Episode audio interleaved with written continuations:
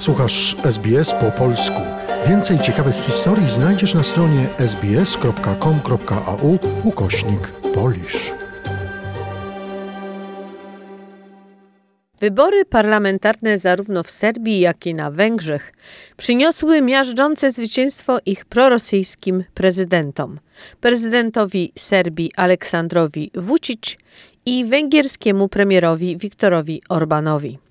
Jednak niezależni obserwatorzy skrytykowali wybory, wzywając do reform ich systemów wyborczych, które wzmocnią procesy demokratyczne. Na Węgrzech przyniosły zwycięstwo Fideszu. Partia Orbana utrzyma nie tylko władzę, ale i większość konstytucyjną. Patrząc na wyniki, sprzyjający Rosji Aleksander Vucic równie zdecydowanie wygrał niedzielne wybory w Serbii. Free, but not fair. Tak Biuro Instytucji Demokratycznych i Praw Człowieka określiło wybory parlamentarne na Węgrzech w 2014 roku.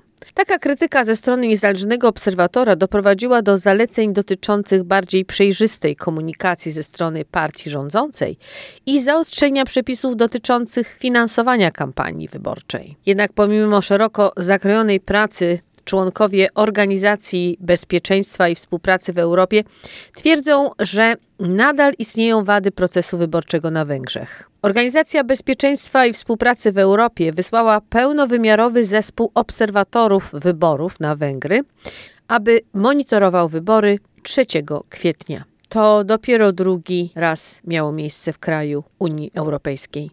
Szef misji Organizacji Bezpieczeństwa i Współpracy w Europie, Gillian Stirk, powiedziała, że chociaż dzień wyborów przebiegł sprawnie, wiele zaleceń pozostaje nieuwzględnionych.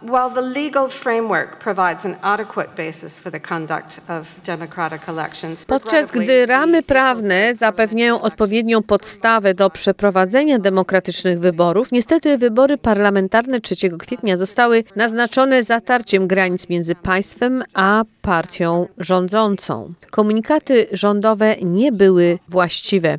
Zbyt często oficjalne funkcje były mieszane z działaniami kampanijnymi. Nacjonalistyczny premier kraju Viktor Orban wygrał wybory krajowe w miażdżącym zwycięstwie, zdobywając mandat na czwartą kadencję i możliwą większość konstytucyjną dla swojej prawicowej partii. Partie opozycyjne i międzynarodowi obserwatorzy zauważyli strukturalne przeszkody w pokonaniu Orbana z rosnącymi obawami o prorządowe uprzedzenia w mediach publicznych, dominancję komercyjnych serwisów informacyjnych przez jego sojuszników i mocno zmanipulowaną mapę wyborczą.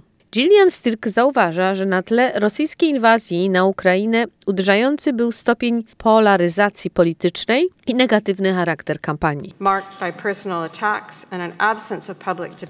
Naznaczone osobistymi atakami i brakiem debaty publicznej, wyborcy mieli niewielką możliwość rozważenia opcji politycznych. Konsolidacja mediów, a także powszechność stronniczych i niezrównoważonych relacji w wiadomościach, ograniczona zdolność wyborców do dokonywania świadomego wyboru. Reklamy rządowe, które odzwierciedlały główne przesłania kampanii zasiedziałej partii, jeszcze bardziej zacierały granice między państwem a partią. Tymczasem w sąsiedniej Serbii podobna krytyka pojawia się po wyborach 3 kwietnia. Wczesne oficjalne wyliczenie wyborów krajowych w Serbii potwierdziło sukces prezydenta Aleksandra Vucicia i jego populistycznej partii, ważnych sojuszników Rosji w Europie. Po wybuchu wojny 24 lutego Serbia wyraziła co prawda poszanowanie dla integralności terytorialnej Ukrainy, ale nie wskazała Rosji jako agresora. Przywołano jedynie bliżej nieokreślone wydarzenia na wschodzie Europy. Władze w Belgradzie wykluczyły możliwość prowadzenia sankcji na najeźdźce. I to pomimo apeli ze strony Unii Europejskiej, do której o członkostwo aspiruje Serbia. Według Brukseli państwo kandydujące do Unii powinno dostosowywać się do jej polityki wobec inwazji rosyjskiej.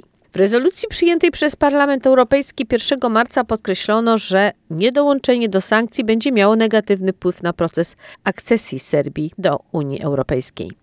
W głosowaniu Zgromadzenia Ogólnego ONZ, które miało miejsce następnego dnia, Serbia, tak jak niemal wszystkie, z wyjątkiem pięciu państwa świata, potępiła Rosję za rozpoczęcie inwazji i wezwała do poszanowania integralności terytorialnej Ukrainy. Nałożenie sankcji na Rosję mogłoby zaszkodzić wynikowi wyborczemu. Dlatego prezydent, nie nakładając ich, starał się utrzymać poparcie prorosyjskich obywateli.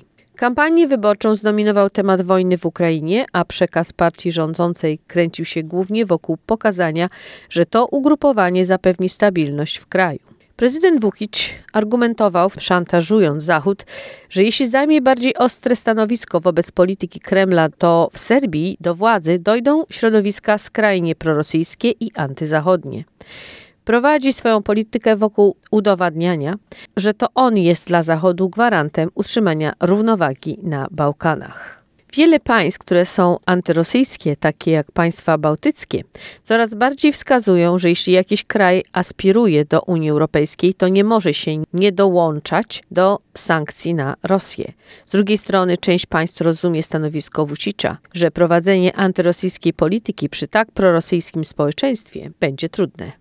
Vukic, jeśli zdobędzie reelekcję, będzie robił wszystko, żeby sankcji nie wprowadzać i tylko silne naciski całej Unii Europejskiej i USA mogą go zmusić do zmiany stanowiska. Kyriakos Hadijani kierował zespołem krótkoterminowych obserwatorów Organizacji Bezpieczeństwa Współpracy w Europie i przekazał swoje obserwacje z Belgradu. Election day was smoothly conducted Dzień wyboru przebiegł sprawnie i ogólnie spokojnie, ale mimo solidnych przygotowań charakteryzował się szeregiem systematycznych uchybień proceduralnych związanych z rozplanowaniem lokali wyborczych, przeludnieniem, naruszeniem tajności głosowania i licznymi przypadkami głosowań rodzinnych.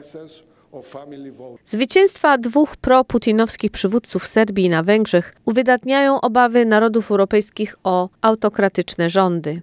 Thijs Rotten, przewodniczący Parlamentu Europejskiego, który obserwował serbskie wybory, mówi, że teraz od partii rządzącej zależy wdrożenie reform, które dowodzą zaangażowania kraju w demokrację. Niesprowokowana agresja Federacji Rosyjskiej na Ukrainę stanowiła również ogromne wyzwanie dla wszystkich krajów europejskich, w tym Serbii, i uświadamia nam, przez tę okrutną wojnę, jak ważna jest wspólna praca Unii Europejskiej dla zachowania bezpieczeństwa, wolności i demokracji w naszej europejskiej rodzinie. Materiał Brooke Young z SBS Newsroom przygotowała i czytała Joanna Borkowska-Surucić. Polub nas na Facebooku, udostępnij innym, skomentuj, bądź z nami na polskim Facebooku SBS.